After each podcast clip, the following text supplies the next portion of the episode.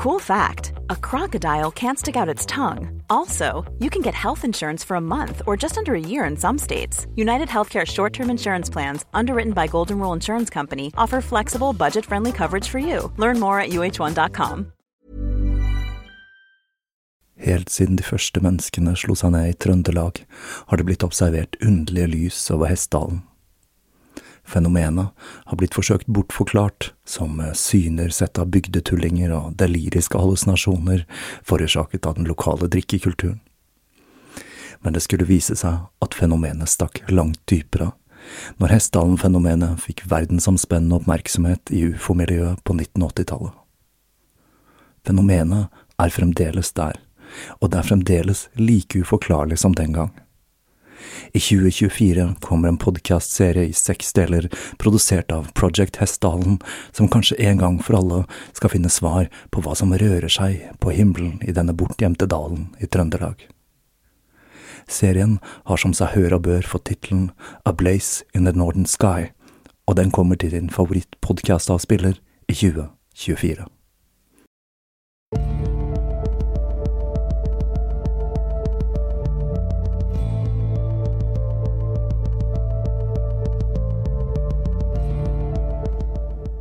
Og velkommen til Tåkeprat. Jeg heter Even, og vi er nå kommet til episode 17 denne søndag den 26. mars 2017. Og dette er da den andre delen i en serie om HB Lovecraft. Og i denne episoden så skal jeg ta for meg den første delen av karrieren til Lovecraft som fiksjonsforfatter. Og jeg skal begynne å ta for meg Lovecrafts drømmeverden og hans panteon av guder. For selv om Lovecraft så på seg selv som en skeptiker og en mann av vitenskapen, så var han på mange måter en mystiker, og han hentet inspirasjonen til historiene sine fra sin svært aktive drømmeverden, sitt psykiske bånd til fortiden og sin overbevisning om at han var født inn i feil tid. Som jeg vel har nevnt tidligere i denne podkasten, så får jeg et spesielt forhold til tematikken ved å jobbe med serier som pågår over flere uker. Med Elisabeth Bathory så begynte jeg etter hvert å føle en genuin vemmelse, og jeg hadde et bilde av denne kvinnen i mitt indre øye som fulgte meg gjennom hele perioden jeg jobbet med henne. I serien om Jeanne d'Arc så begynte jeg etter hvert å føle en dyp medlidenhet med denne franske bondejenta, som nok ikke var helt riktig skrudd sammen, og som til slutt måtte bøte med livet på verst tenkelig vis etter å ha blitt brukt som en brikke i det politiske spillet i hundreårskrigen. Og på samme måte så begynner jeg nå å få et helt nytt forhold til H.P. Lovecraft. For til tross for å ha lest historiene hans i snart 30 år, så begynner mannen å fremstå som mer virkelig for meg etter to uker med kontinuerlig kverning rundt livet hans, og med x antall timer med Kutulu-historier på øret, og gjennomgang av både historiene hans og av biografier om han, så tror jeg jeg begynner å få en dypere forståelse for hvem denne personen var og jeg tror jeg føler litt av det samme psykiske båndet Lovecraft selv beskrev. Og innen jeg er ferdig med denne serien, hvem vet, kanskje jeg får besøk av hans bevingede Night Gaunts natterstid. Jeg håper at du som hører på, også kan ta en del i denne reisen med meg, når jeg nå fortsetter å fortelle historien om denne innesluttede mannen som ga oss et univers av bunnløs redsel uten mulighet for frelse.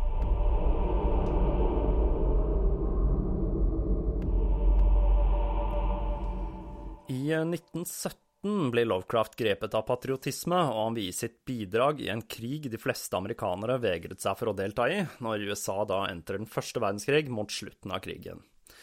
Den 8. april samme år så bestemmer han seg for å la seg verve, og han får en post i kystartilleriet, men så griper mora hans inn. Hun tar nemlig kontakt med familielegen og får han til å erklære Lovecraft som tjenesteudyktig, og han blir dimittert.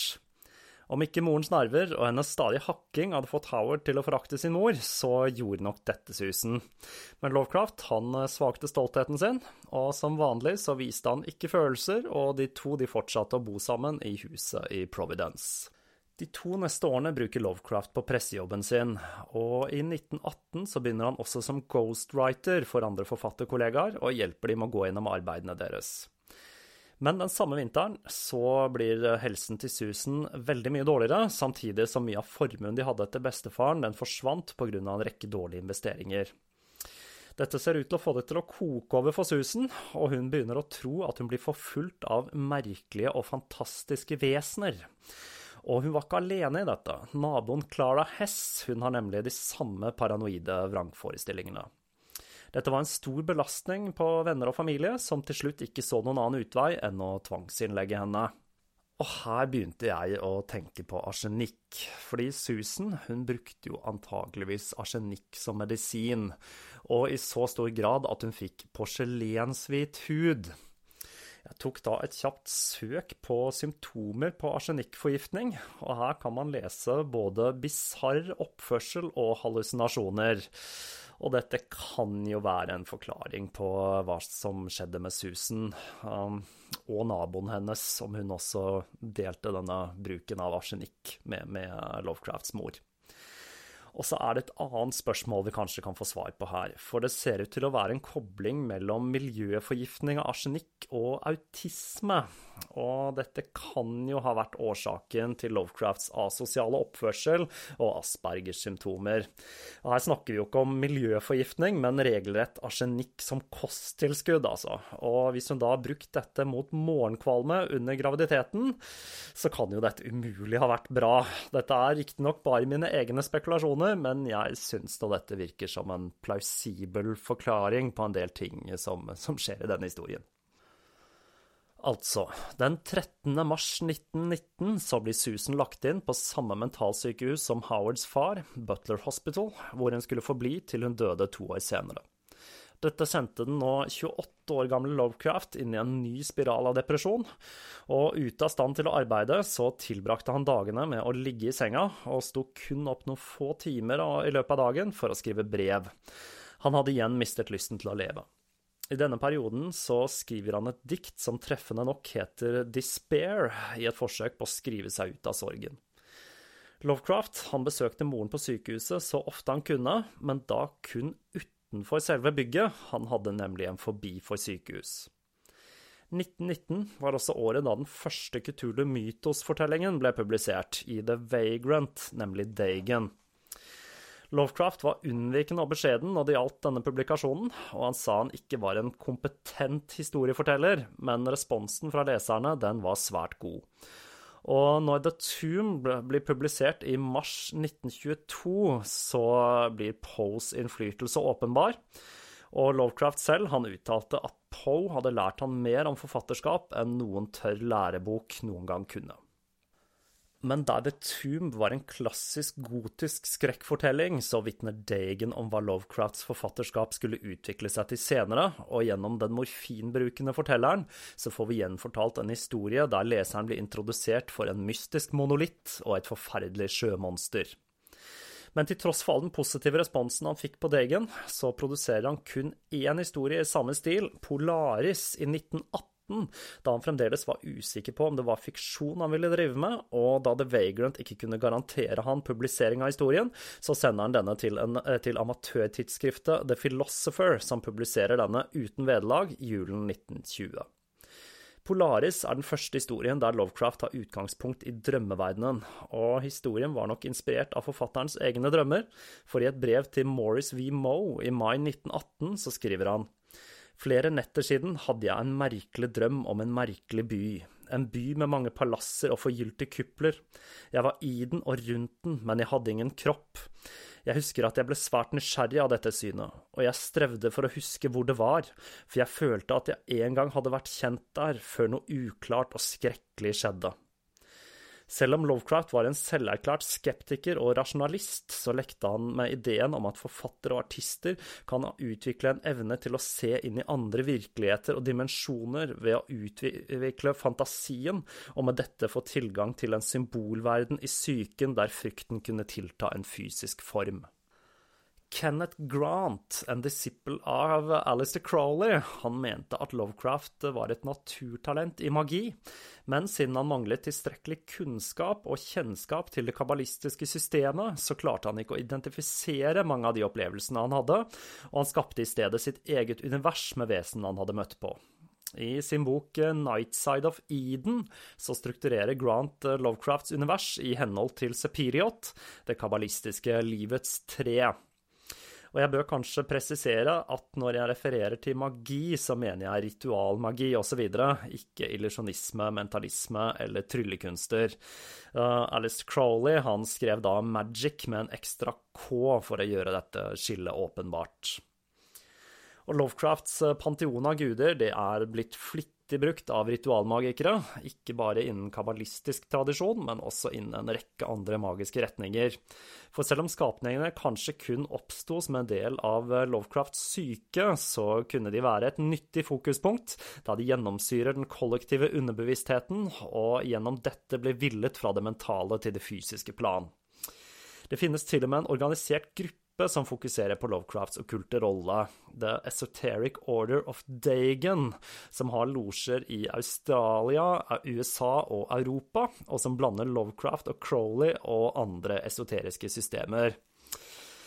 Og i våre dager så er det jo fryktelig populært å bruke ordet nerd i hytt og pine, men i uh, The Esoteric Order of Dagan så er det en viss fare, tenker jeg, for å møte på vaskekte nerder.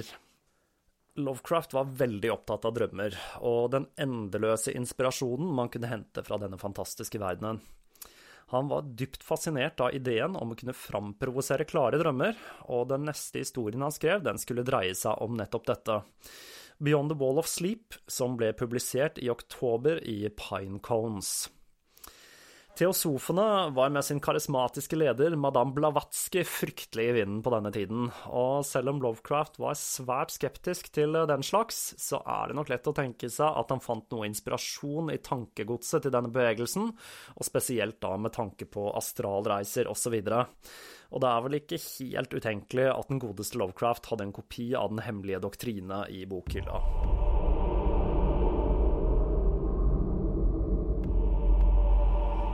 Hvis ikke det hadde vært for en invitasjon til å delta på flere forfattersamlinger i Boston, og muligheten til å høre hans nye litterære helt, lord Dunsany, i 1919, så hadde nok Lovecraft blitt i Providence fram til sin mors død. Og muligheten til å møte andre medlemmer av United Amateurs eh, Press Association, som han ikke bare var en svært aktiv bidragsyter til, men hvor han både hadde vært visepresident fra 1915 til 16 og president 1917 til 18, det gjorde fristelsen til å ta en tur til Boston for eh, stor. Lovecraft begynner å fokusere mer og mer på fiksjon, og Dunsanys fantasiverden appellerer til Lovecraft med sin barnslige romantiske undring, noe vi kan finne igjen i Lovecraft sin drømmeverden. Etter å ha hørt Dunsany, så skriver Lovecraft et oppglødd eh, brev til Frank Belknap Long, en person som skulle gå igjen i Lovecrafts liv, og som også var et medlem av eh, United Amateur Press Association, og som han korresponderte med fra 1921 og fram til sin død. Lovecraft skriver da Dunsany er som meg selv, hans kosmiske verden er den verden jeg lever i og verdsetter. Long delte Lovecrafts smak i kunst og litteratur, og han var også sterkt influert av Poe og delte Love, Lovecrafts skepsis til det overnaturlige. Lovecraft fungerte som en mentor for Long, og Long var den første som bidro til Kutulu Mythos med historien uh, The Hounds of Tindalos, og han var også den første som fikk skrevet inn en av karakterene sine i Lovecrafts historier, i The Whisperer in Darkness fra 1931. Dunsany var en enorm inspirasjon for Lovecraft, og han uttalte at eh, ingen andre forfattere, bortsett fra Poe, hadde gitt han like mye inspirasjon, og inspirert så begynner Lovecraft å skrive en serie med historier som er kjent som Drømmesyklusen. Han begynner med The White Ship i 1919, og fortsetter med The Doom That Came to Sarnat og The Statement of Randolph Carter. I 1920 så skriver han The Cats of Ultar og Selefais og The Quest of Iranon i 1921. Disse historiene er sterkt preget av Lovecrafts ønske om å uttrykke sine egne drømmer og opplevelsene han hadde der. Og historiene de er fantastiske fabler tegnet mot den mørke bakgrunnen av Lovecrafts mystiske drømmeverden. Og disse historiene de er ganske korte, de er gjennomsnittlig ikke lengre enn 2500 ord, og de går rett på sak, noe som på mange måter tilbakeviser påstanden om at Lovecraft ikke klarte å styre ordbruken sin. Noe som derimot eh, Stephen King kan sies å lide av. Uh, The Stand i uforkortet utgave er jo et veldig godt eksempel på dette, selv om uh, lengden på boka i stor grad bidrar til stemningen i The Stand i Stephen King sitt tilfelle. Og nå føler jeg det er på tide å ta for meg et lite utdrag av Lovecraft, men det er et lite problem her. For uh, selv om jeg har flere Lovecraft-historier på norsk, så er rett og slett alle oversettelsene ganske dårlige. Jeg vil si at Lovecraft på mange måter er uoversettelig, i hvert fall om man skal oversette direkte. Og i de bøkene jeg har, som nok er eh, billige skrekkhistoriebøker, for å være helt ærlig, så er det ikke blitt brukt så mye tid på å forsøke å beholde den originale stemningen og rytmen fra historiene. Og jeg må også innrømme at jeg nok har undervurdert Lovecrafts eh, faktiske litterære kvaliteter. For historiene hans, selv om de ofte bærer preg av at de hadde trengt litt redigering, er eh, viser at han hadde en eh, veldig god språklig forståelse og en rytme som gjør at historiene hans er av en langt høyere kvalitet enn historiene til hans pulp-kollegaer i samtiden, som f.eks. Robert E. Howard. Lovecraft han hadde et genuint talent som forfatter og språkkunstner. Men jeg har allikevel forsøkt å oversette lite grann, så her er mitt forsøk på et par strofer fra The Doom That Came to Sarnath på norsk. Der det en gang hadde stått murer over 130 meter høye, og med tårn som reiste seg enda høyere, var det nå kun et sumplandskap igjen. Og hvor det en gang hadde bodd over 50 millioner menn, kravlet det nå motbydelige vannøgler. Selv ikke gruvene med de kostelige mineraler var igjen. Slutten hadde kommet i Sarnat men halvt begravet i sivet skimtes et underlig grønt idol, et umåtelig gammelt idol skåret ut for å ligne bukkrugg, den store vannøglen. Det idolet som ble oppbevart i tempelet i Illarnek, ble tilbedt under en voksende måne i landet Menar. Selv om Lovecraft var sterkt inspirert av Dunsany, så var hans drømmer av en langt mørkere karakter enn eventyrfortellingene til forbildet hans. Og i et brev til August Dallot fra den 11. desember så skriver han at eh, historiene hans var ikke bare inspirert av drømmer, de var nærmest transkripsjoner. Og han skriver bare hva som ble åpenbart for han i drømmeverdenen. En annen person Lovecraft diskuterer dette med, var hans nære venn Samuel Loveman. Og eh, Lovecraft han forteller at han hadde en drøm hvor han og Loveman utforsker en forlatt kirkegård, og de bryter seg inn i en gammel krypt. Loveman han insisterer på å utforske gravkammeret på egen hånd, mens Lovecraft motvillig og nervøs må vente på utsiden. En steintrapp ledet ned i mørket, og stanken fra avgrunnen var så grusom at vi ufrivillig tok et par skritt tilbake. Loveman går ned i trappen med en telefon med lang skjøteledning og en lykt, og han går lenger og lenger ned i krypten til lyset fra fakkelen ikke lenger syns. Alt blir stille, men etter et par minutter hørtes stemmen hans i telefonen. Lovecraft, jeg tror jeg har funnet det, sier Loveman i en intens tone, fulgt av en kort pause, fulgt av flere uttalelser med undring og frykt i stemmen. Gode gud, Lovecraft, du skulle sett hva jeg ser. Lovecraft spør om hva som skjer, og Loveman han svarer med skjelvende stemme.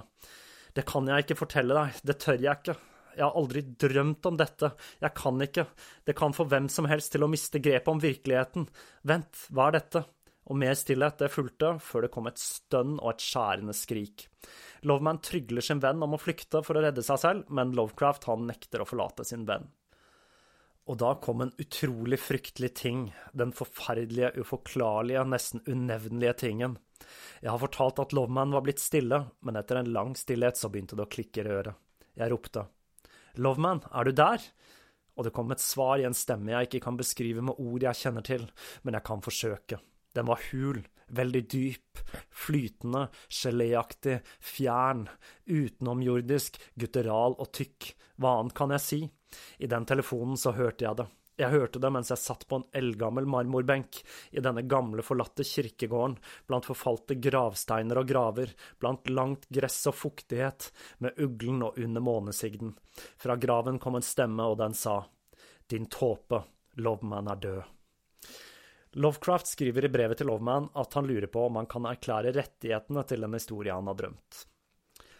Lovecraft gjenforteller drømmen i historien The Statement of Randolph Carter, hvor Lovemans rolle blir spilt av okkultisten Harley Warren, og Lovecraft av sitt alter ego Randolph Carter, en antikvitetsforhandler og drømmeutforsker som lever et andre liv i drømmeverdenen. Og Randolph Carter han dukker opp i fire andre historier. Uh, I uh, The Unnamable, i The Dream Quest of Unknown Kadat, The Silver Key og Through the Gates of the Silver Key. Sistnevnte det var et samarbeid med E. Hoffman Price. Han gir også en kort opptreden i Out of the Aeons, som var skrevet sammen med Hazel Heald i 1933. Og 1920 det skulle være et svært viktig år for Lovecraft, med publikasjonen av The Statement of Randolph Carter, The Doom That Came to Sarnat og The Cats of Ultar. Så skriver han også tre svært gode historier dette året. The Terrible Old Man, Facts Concerning the Late Arthur Jeremin and His Family og The Picture in the House. Og med dette så hadde Lovecraft etablert et rykte som en forfatter det var verdt å følge med på.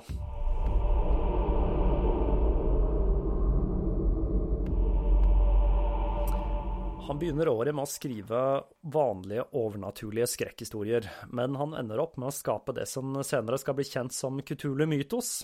Det er et uttrykk som ble oppfunnet av August Derleth for å beskrive historier som handler om Lovecrafts guder.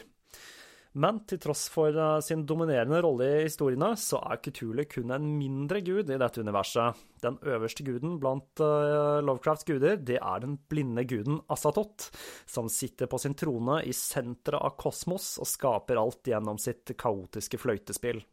Asatoth han er da en sentral figur, annet i rituell kaosmagi.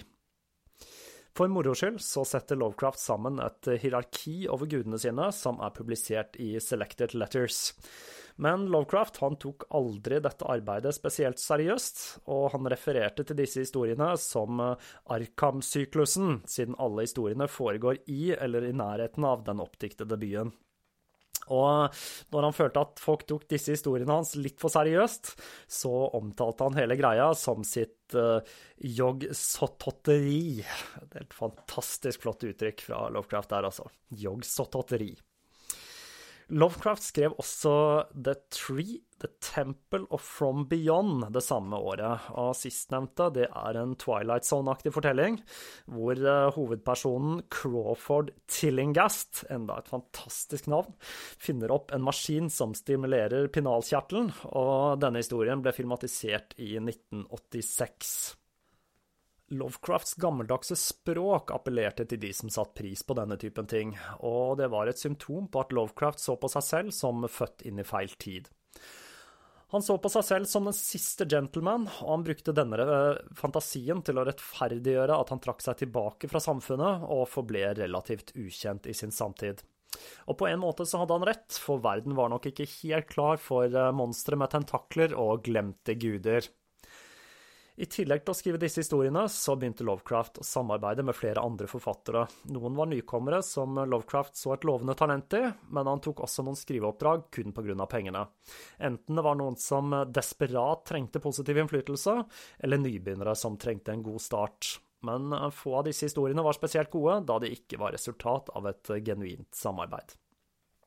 I 1921 skriver Lovecraft The Nameless City, hvor to elementer fra Kutulu Mytos dukker opp for første gang.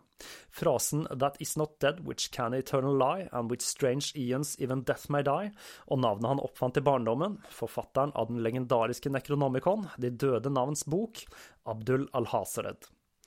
Fortelleren i historien kommer over en by i ørkenen som er begravet i sanden, og til tross for en illevarslende følelse, så romsterer han rundt til han finner inngangen til et tempel. Det lave taket og de rare dimensjonene til bygget plager han. Var dette bygget bygget av mennesker? Han finner enda et tempel og går ned i tempelets mørke indre, hvor han kommer til et rom som er dekorert med fantastiske utskjæringer av ukjent opprinnelse, og med de mumifiserte likene til øglehodede skapninger med frambein som minner om menneskehender, og kledd i kapper og med juveler. Han antar at dette var de originale innbyggerne i byen, men da han når eh, slutten av en underjordisk labyrint og åpner en massiv bronsedør, så oppdager han den grusomme sannheten. Kun de grimme og grublende ørkenguder visste hva som hadde funnet sted. Hva slags ubeskrivelige basketak og prøvelser jeg ble utsatt for i mørket, eller hva som brakte meg tilbake til livet, hvor jeg alltid må huske å skjelve i nattevinden til tilintetgjørelse eller verre innhente meg. Monstrøs, unaturlig, kolossal var tingen, så fjern fra mennesket at man ikke kan tro det, bortsett fra i de små timer før morgengry, når man ikke får sove. Denne historien hadde Lovecraft igjen hentet fra en drøm. Selve byen den er basert på den tafte byen Iram Lovecraft hadde lest om i Koranen, og inspirert av Dunsenays uh, The Probable Adventure of Three Literary Men og setningen The Unreverberate Blackness of the Abyss, som han gjentok som et mantra når han gled inn i drømmeverden, så steg den legendariske byen Iram fram fra ørkensanden. Denne teknikken er blitt brukt av flere forfattere, annet eh, Charlotte Bronte, Robert Louis Stevenson og Graham Greene. Når Bronte blir spurt om hvordan hun kunne beskrive effekten av opium på en så nøyaktig måte uten selv å ha brukt det, så svarer hun at eh, hver gang hun skulle skrive om noe hun ikke hadde opplevd, så tenkte hun på det kveld etter kveld, til hun til slutt begynte å drømme om temaet. Stevenson han eh, utviklet en teknikk som er kjent som eh, kreativ drømming, eller drømmeinkubasjon, og når han trengte nytt materiale til en historie, så begynte han på historien mens han lå i sengen, og stolte på at nattens alver skulle hjelpe han med resten. Green han pleide å lese gjennom det han hadde skrevet den dagen, i den tro at underbevisstheten ville redigere det han hadde skrevet i løpet av natten, og ville gi han materiale til neste kapittel.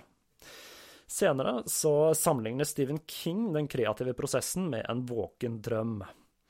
Både når man skriver og sover, så lærer vi å være fysisk stille mens vi oppfordrer hjernen til å frigjøre seg fra de hverdagslige tanker.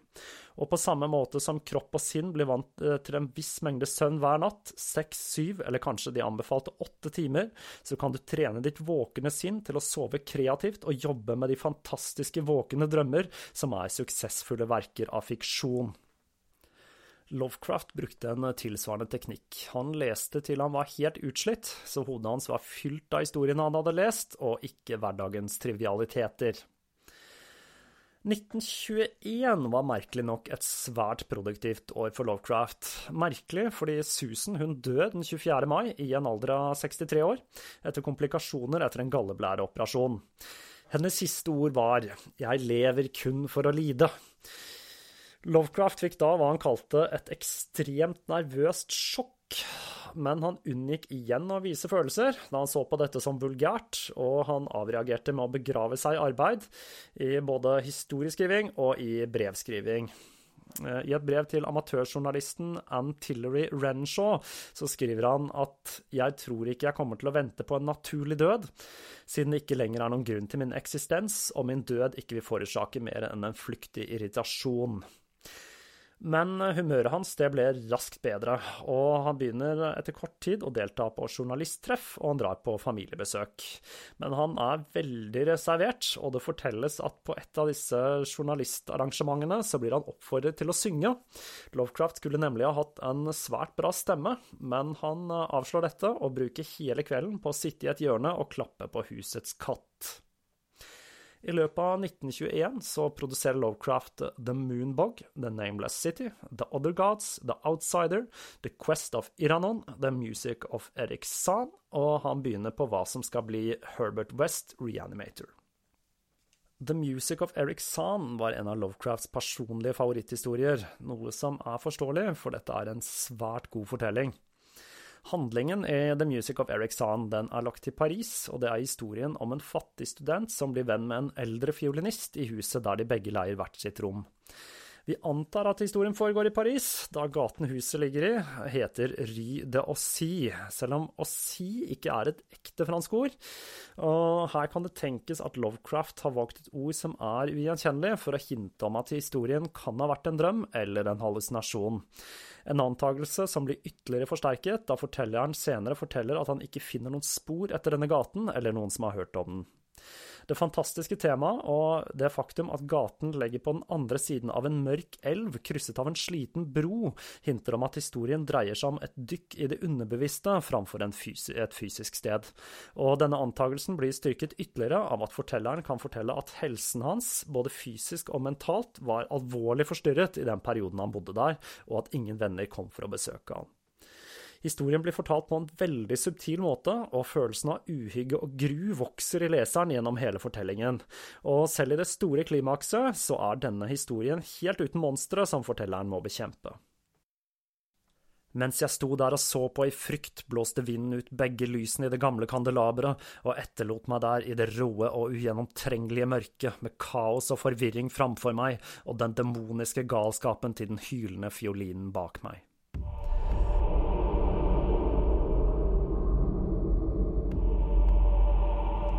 Og med de demoniske tonene fra Erik Sand, så forlater vi igjen HB eh, Lovecraft.